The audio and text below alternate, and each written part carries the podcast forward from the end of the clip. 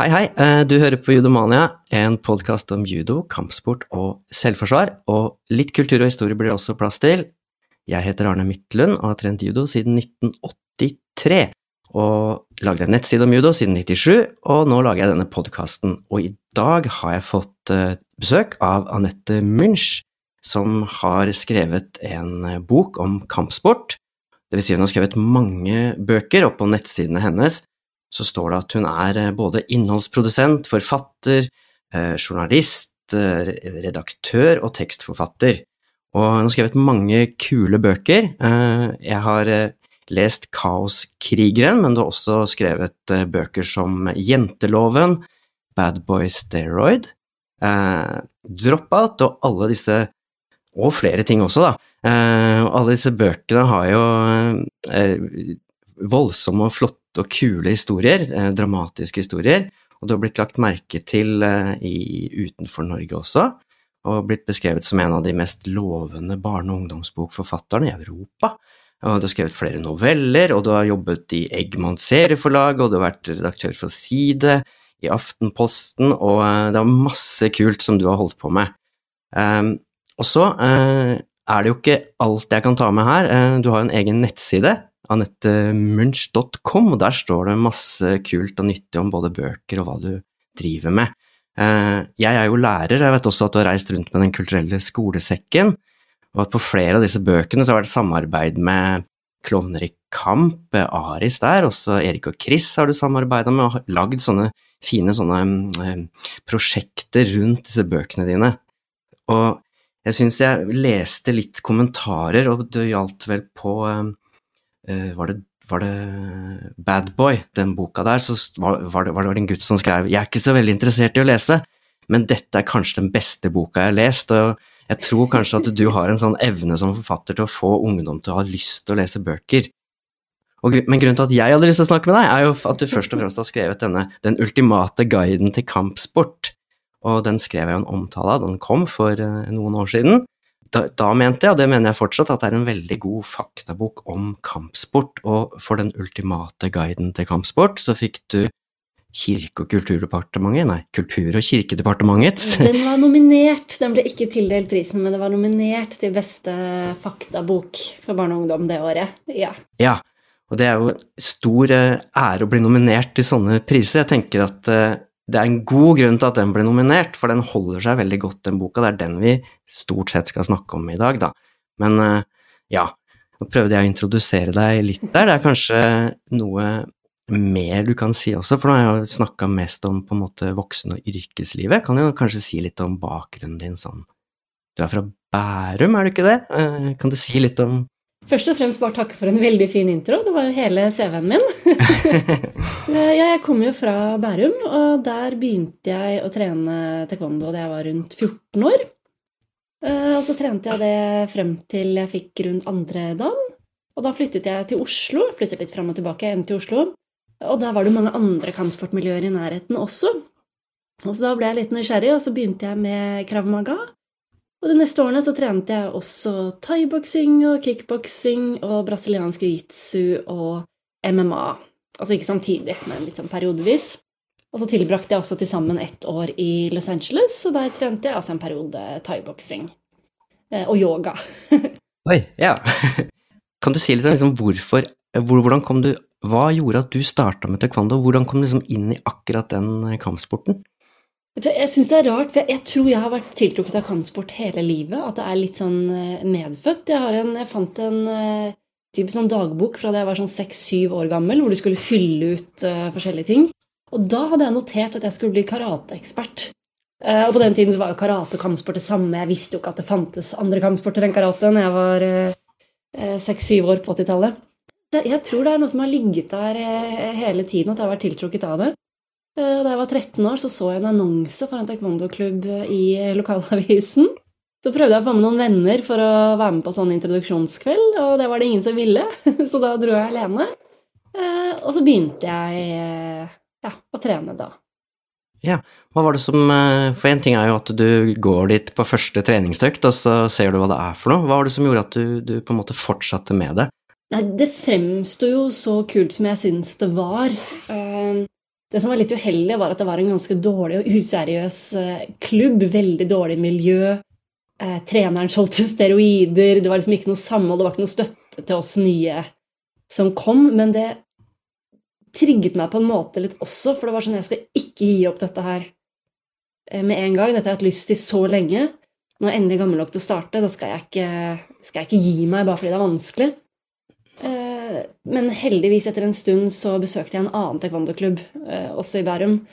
Og der var det en helt annen stemning, helt annet miljø. Det merket jeg allerede første kveld, så jeg byttet over dit. Og da var det jo ikke noe tvil. Det, det, det var jo det kuleste i hele verden. Du så jo de som hadde trent eh, bare noen år mer enn deg. De var jo så imponerende flinke. Og det var sånn tanken på å komme dit. Du nevnte at i den første klubben så så solgte treneren steroider, var det det du sa? Eh, ja. Er det en liten eh, inspirasjon til den boka du skrev seinere, eller? Nei, vet du hva, det er det nok ikke, for det kom jeg på tror jeg først etter jeg hadde skrevet boken. Det var ikke noe som eh, påvirket meg i noe stor grad. Jeg bare noterte det og tenkte at nei, det er ikke noe relevant for meg. Og så Men, men jeg, og ja, igjen, det var 13-14 år. Så det er, det er mer når jeg har kommet på i ettertid og tenkt at det var mm. kanskje litt rart. ja. Det var godt du kom deg videre til en annen, mer seriøs klubb, da. Ja, ellers så tror jeg kampsportkarrieren hadde blitt litt kortere. Jeg tror ikke jeg hadde holdt ut så veldig lenge til der. Det hadde ikke vært sunt. Nei. Men du nevner jo kampformer som krav maga og, og kickboksing, thaiboksing. Ganske sånn du er Er det din greie, at du er opptatt av de Kan vi kalle det litt sånn ja, skal vi kalle det litt sånn harde kampsporter, da? Ja, jeg må innrømme at det er det som har trigget meg mest. Jeg synes Det er, det gir så kick. Jeg elsker å sparke. Altså, Du hører det smellet i de putene. Ja. Eh, det, det kicket du får av eh, den, den, den råheten og, den, og, det det krever av deg også. Bare det å skulle spare med noen, og spesielt da noen som er eh, ja, minst like store som deg, for å si det sånn det er, noe, det er noe rått og fascinerende og brutalt ved det. Eh, og det høres jo rart ut å si for de som kanskje ikke har det på den måten, for dette er jo ikke noe jeg har interesse av på noen andre områder i livet enn liksom trening. Men det er det ja, Det er bare herlig å trene, og så er det jo samtidig Alt er jo gjennomsyret av respekt og at man hjelper hverandre og tillit og Det er jo bare en godhet rundt det hele, så selve rammene er jo trygge og, og fine. Men samtidig så får du virkelig liksom brukt hele eh, kroppen din og psyken din.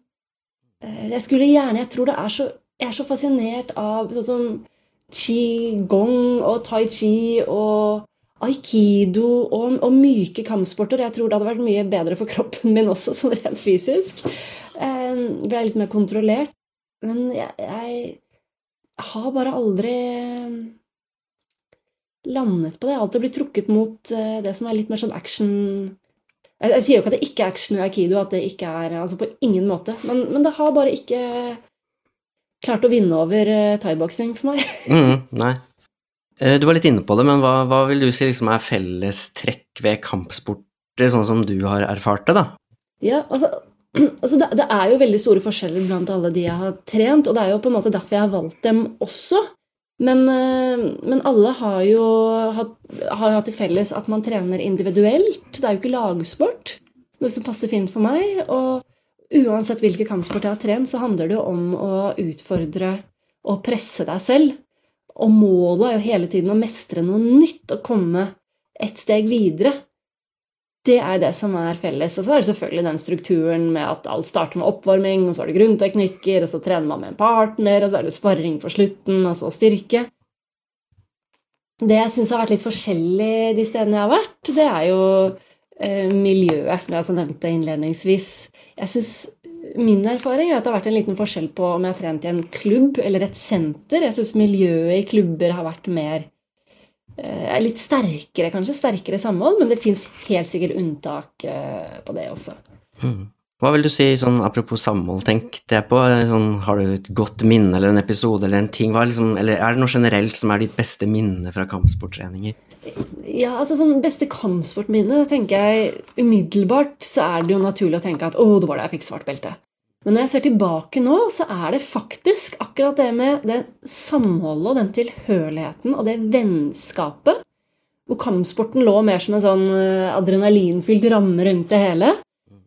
Det er faktisk det fineste, fineste minnet jeg har, i hvert fall fra tenårene. Da, jeg trente da, det var så sterkt. Det å føle at man eh, er en del av noe, eh, og at du er ønsket og likt, og at du til og med blir sett opp på noen områder.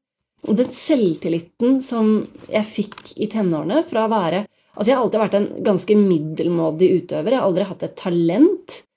Eh, men da til å utvikle meg og så få andredagen, og så begynne å instruere voksne menn allerede da jeg var 16 år, og så få positive tilbakemeldinger på det som en 16 år gammel jente eh, Den betydningen det hadde for selvbildet og selvtilliten på den tiden, det kan faktisk ikke måles.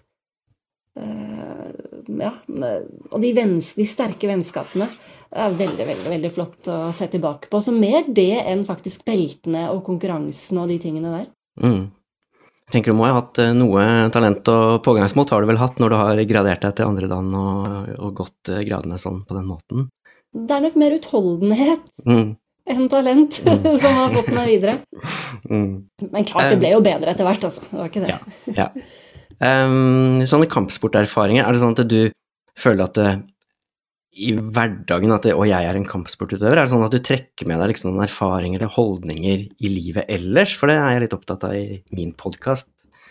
Ja, nå måtte jeg dessverre slutte å trene i 2012 da jeg fikk en sykdom, så jeg har ikke kunnet trene siden da. Men frem til da så var kampsport en veldig, veldig stor del av identiteten min. Eh, og igjen, i hvert fall i tenårene. Det er noe med at alle rundt meg også Jeg ble jo hun Jeg ble jo fyrstikken med svart belte. Alle det var det Alle visste Det folk visste om meg, var at jeg var hun som trente kampsport. Men det var også den Jeg var veldig opptatt av filosofien rundt det.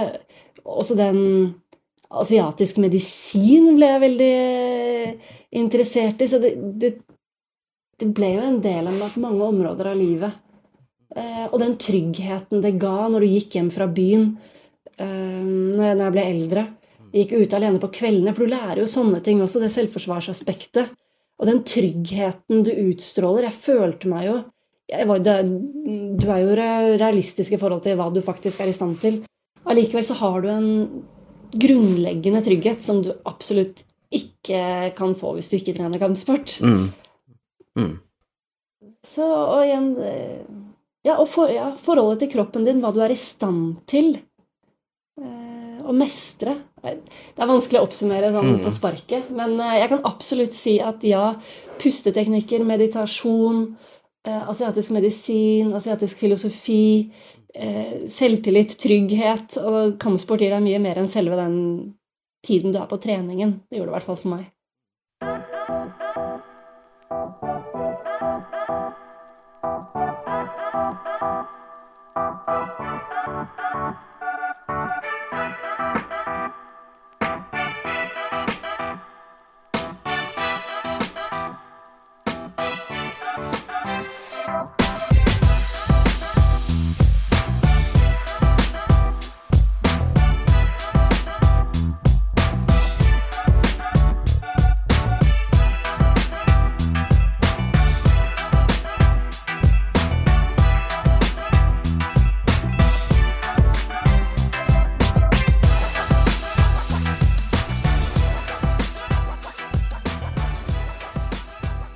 Skal komme tilbake til mer kampsport òg, men du er, jo, du er jo ikke Du er jo forfatter. Det er jo veldig interessant i den sammenhengen her. Og du har skrevet flere bøker og noveller også, og vært redaktør, og du har liksom jobba mye med tekst.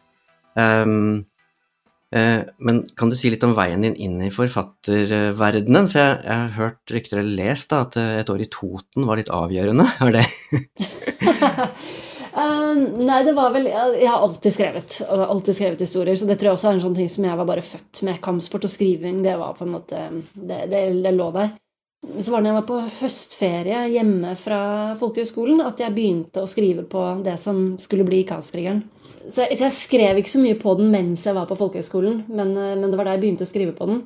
Og mens jeg gikk på den folkehøgskolen, så jeg også, trente jeg i en fantastisk taekwondo-klubb og fikk så mange sterke opplevelser med ting vi opplevde der. Altså det miljøet altså det, Jeg klarer ikke gjenfortelle det engang, men det var veldig, veldig, veldig flott.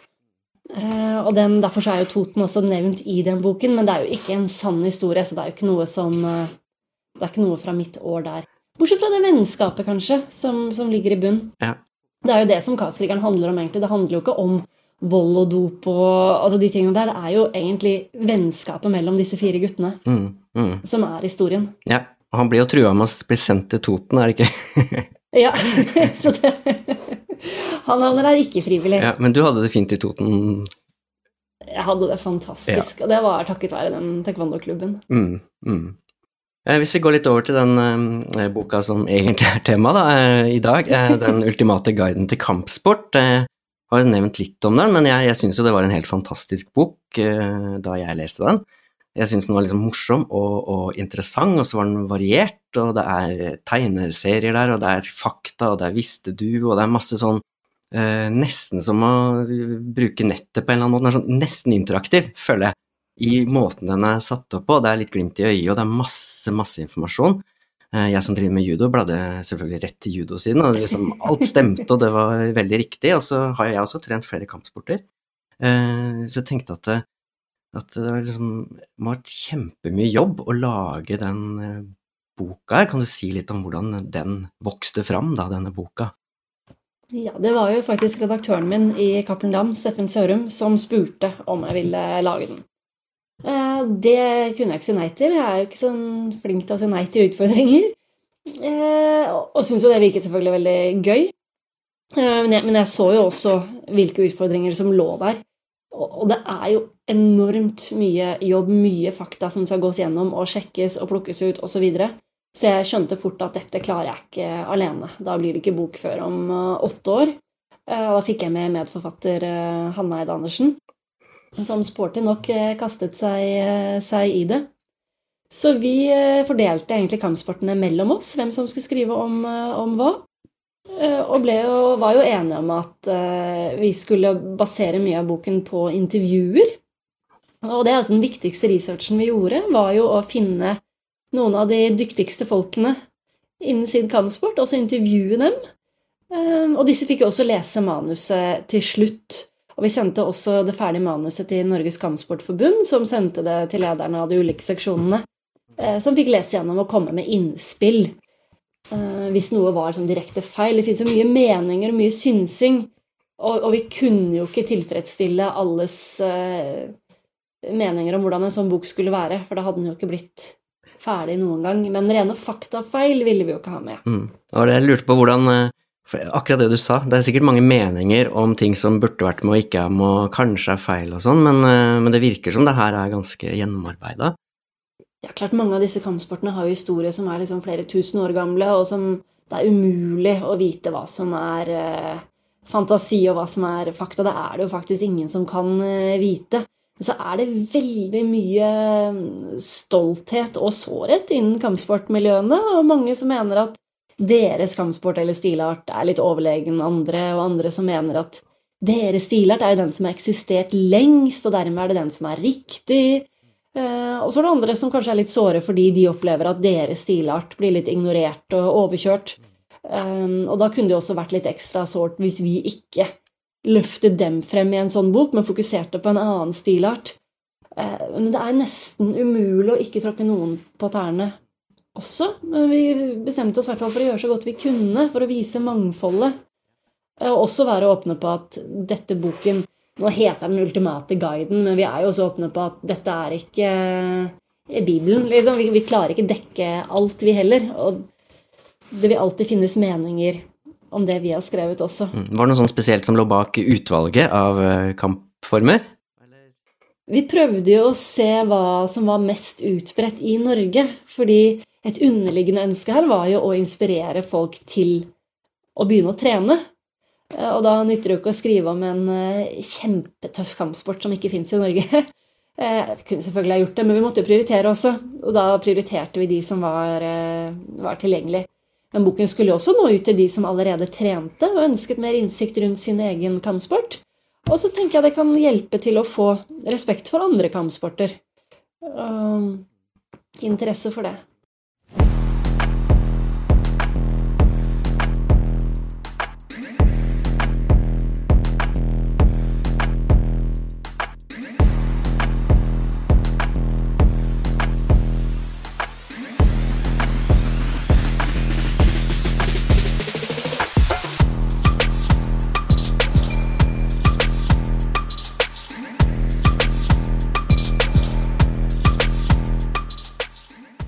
De illustrasjonene i boka er også veldig kule. Det er en som heter Var det Philip Hauglin? Philip Hauglin, han er kjempeflink.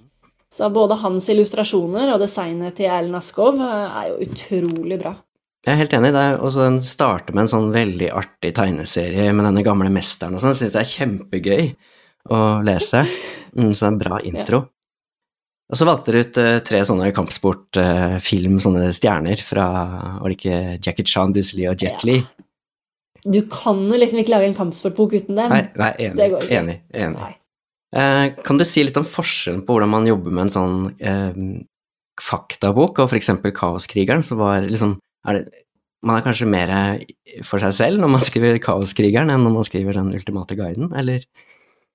Ja, det som er deilig med å være skjønnlitterær forfatter, er jo at du på en måte er eh, universets konge. Du bestemmer alt. Om noen skal eh, gråte eller le, og om noen er snille eller slemme, og eh, om solen er gul eller grønn.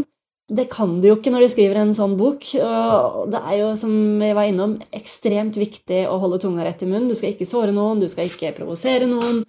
Um, skal prøve å være ja, mest mulig diplomatisk og få mange fakta riktig. Uh, altså det er ikke så rom for å være kreativ, og setningene skal jo også være mest mulig enkle, rett på sak, ikke verdiladet på noen som helst måte. Altså, du skal ha en mer nøytral stemme. Eh, passe på at du ikke skriver altfor positivt eller negativt ladet når du omtaler noe, selv om du kanskje har veldig, veldig lyst. Uh, så du, du, må holde deg mer nøytral, holde deg mer nøktern i språket. Uh, ikke, ikke, så lekent og kreativt språk som du kan bruke når du skriver skjønnlitteratur. Du gjør kanskje en del research til skjønnlitteratur òg, eller er det sånn at du har det i deg, på en måte? Nei, jeg er, veldig glad, jeg er veldig glad i å gjøre research. Det er noe av det som inspirerer meg mest. Er faktisk å snakke med mennesker og tilegne meg ny kunnskap rundt et tema jeg ikke kan så mye om. Det var det jeg gjorde med Bad Boy Steroid. Snakke med folk som brukte steroider. Eh, og lese, mye om, lese meg mye opp på det. Og basere det på det. Og da var det også viktig for meg å få alt riktig, så da sendte jeg jo ferdig manus til to av de gutta som jeg hadde intervjuet. De som jeg hadde hatt mest kontakt med. De leste hele manuset eller om de fikk de, de, delene av manuset som var relatert til steroider, det husker jeg ikke. Uh, men og, og fikk komme med tilbakemeldinger om det var noe de mente at nei, det ville man ikke sagt sånn, eller det ville man ikke gjort på den måten. Så, så der skal fakta også være riktig, men det er jo ikke 100 fakta, slik som denne kampsportboken er.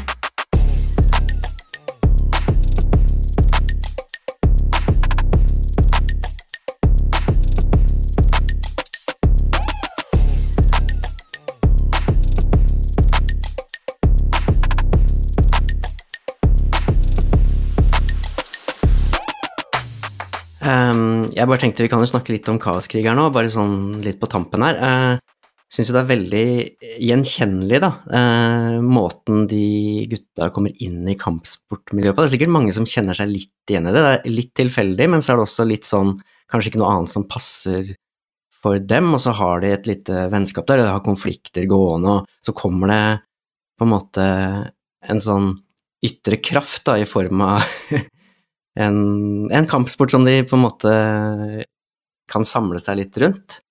Og, og så, så, kjente jeg også igjen, um, ikke sånn fra egen opplevelse, men kjente igjen jeg er jo lærer, den, den liksom ulike bakgrunnen elever kan ha, den tøffe um, hverdagen da, som de kan stå i, hvor kanskje å ha et eller annet felles samlingspunkt utafor den tøffe hverdagen kan være en sånn slags livbøye, da. Så jeg syns den kaoskrigeren er veldig uh, god. på å skildre det miljøet. Um, men det er sånn I den tida du trente kampsport, møtte du mennesker som ikke var helt like, da, men som kunne ha noe av den bakgrunnen som du beskriver? Ja, absolutt. Og det var det som også var så fint å oppleve. De, de, de vennegjengene vi fikk, på en måte. De var jo Det ble jo litt tilfeldig, fordi det var jo fordi vi hadde samme beltegrad, vi var på samme nivå. Eh, som gjorde at vi, og vi skulle da delta i konkurranser sammen, vi skulle lage oppvisninger sammen. Så vi ble naturlig en gjeng fordi vi hadde samme beltegrad. og eh, vi hadde sikkert ikke blitt sammen hvis vi hadde gått på, altså blitt en vennegjeng hvis vi hadde gått på skole, kanskje, for vi var jo så forskjellige. Men så ble vi eh, på en måte knyttet sammen av denne sterke lidenskapen for alt relatert til kampsport. Fra kampsportfilmer til altså det de tinga gutta også snakker om. Plutselig var det gøy å trene med sverd og stokker. og så trene til musikk og lage oppvisninger. Og, og da, da, fikk jeg jo så mange venner som, eh, som jeg ikke hadde vært venn med ellers. på en måte, Hadde en annen type enn det jeg hang med, hang med ellers. Og det var veldig fint.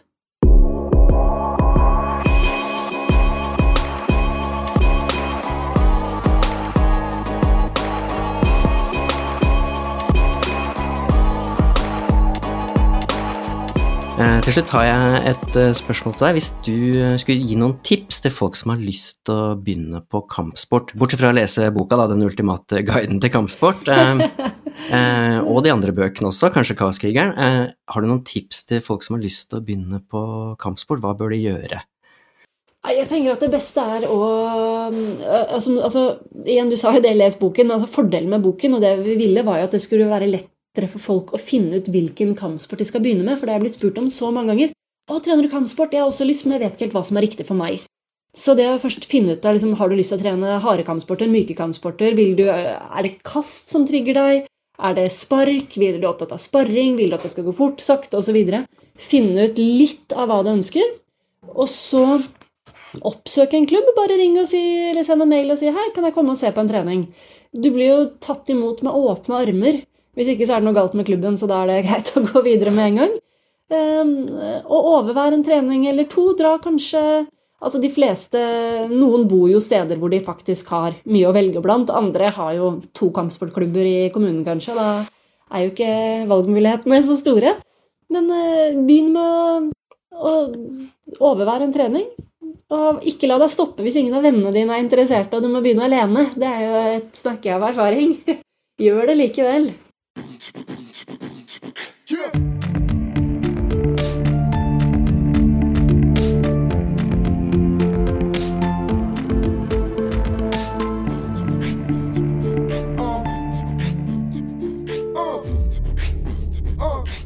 det er det på tide å avrunde denne episoden av Judomania podkast. Tusen takk til Anette Münch som stilte opp eh, på fritida si. Tusen takk for det. Likte du det du hørte, så kan du gjerne tipse andre om Judomania, eh, nettsiden og podkasten. Og vil du lese mer om eh, Anette Münch og hva hun har gjort, så ligger det link til henne både på hjemmesida og i notatene til denne podkasten. Det var alt for denne gangen. Takk for at du hørte på. Ha det bra.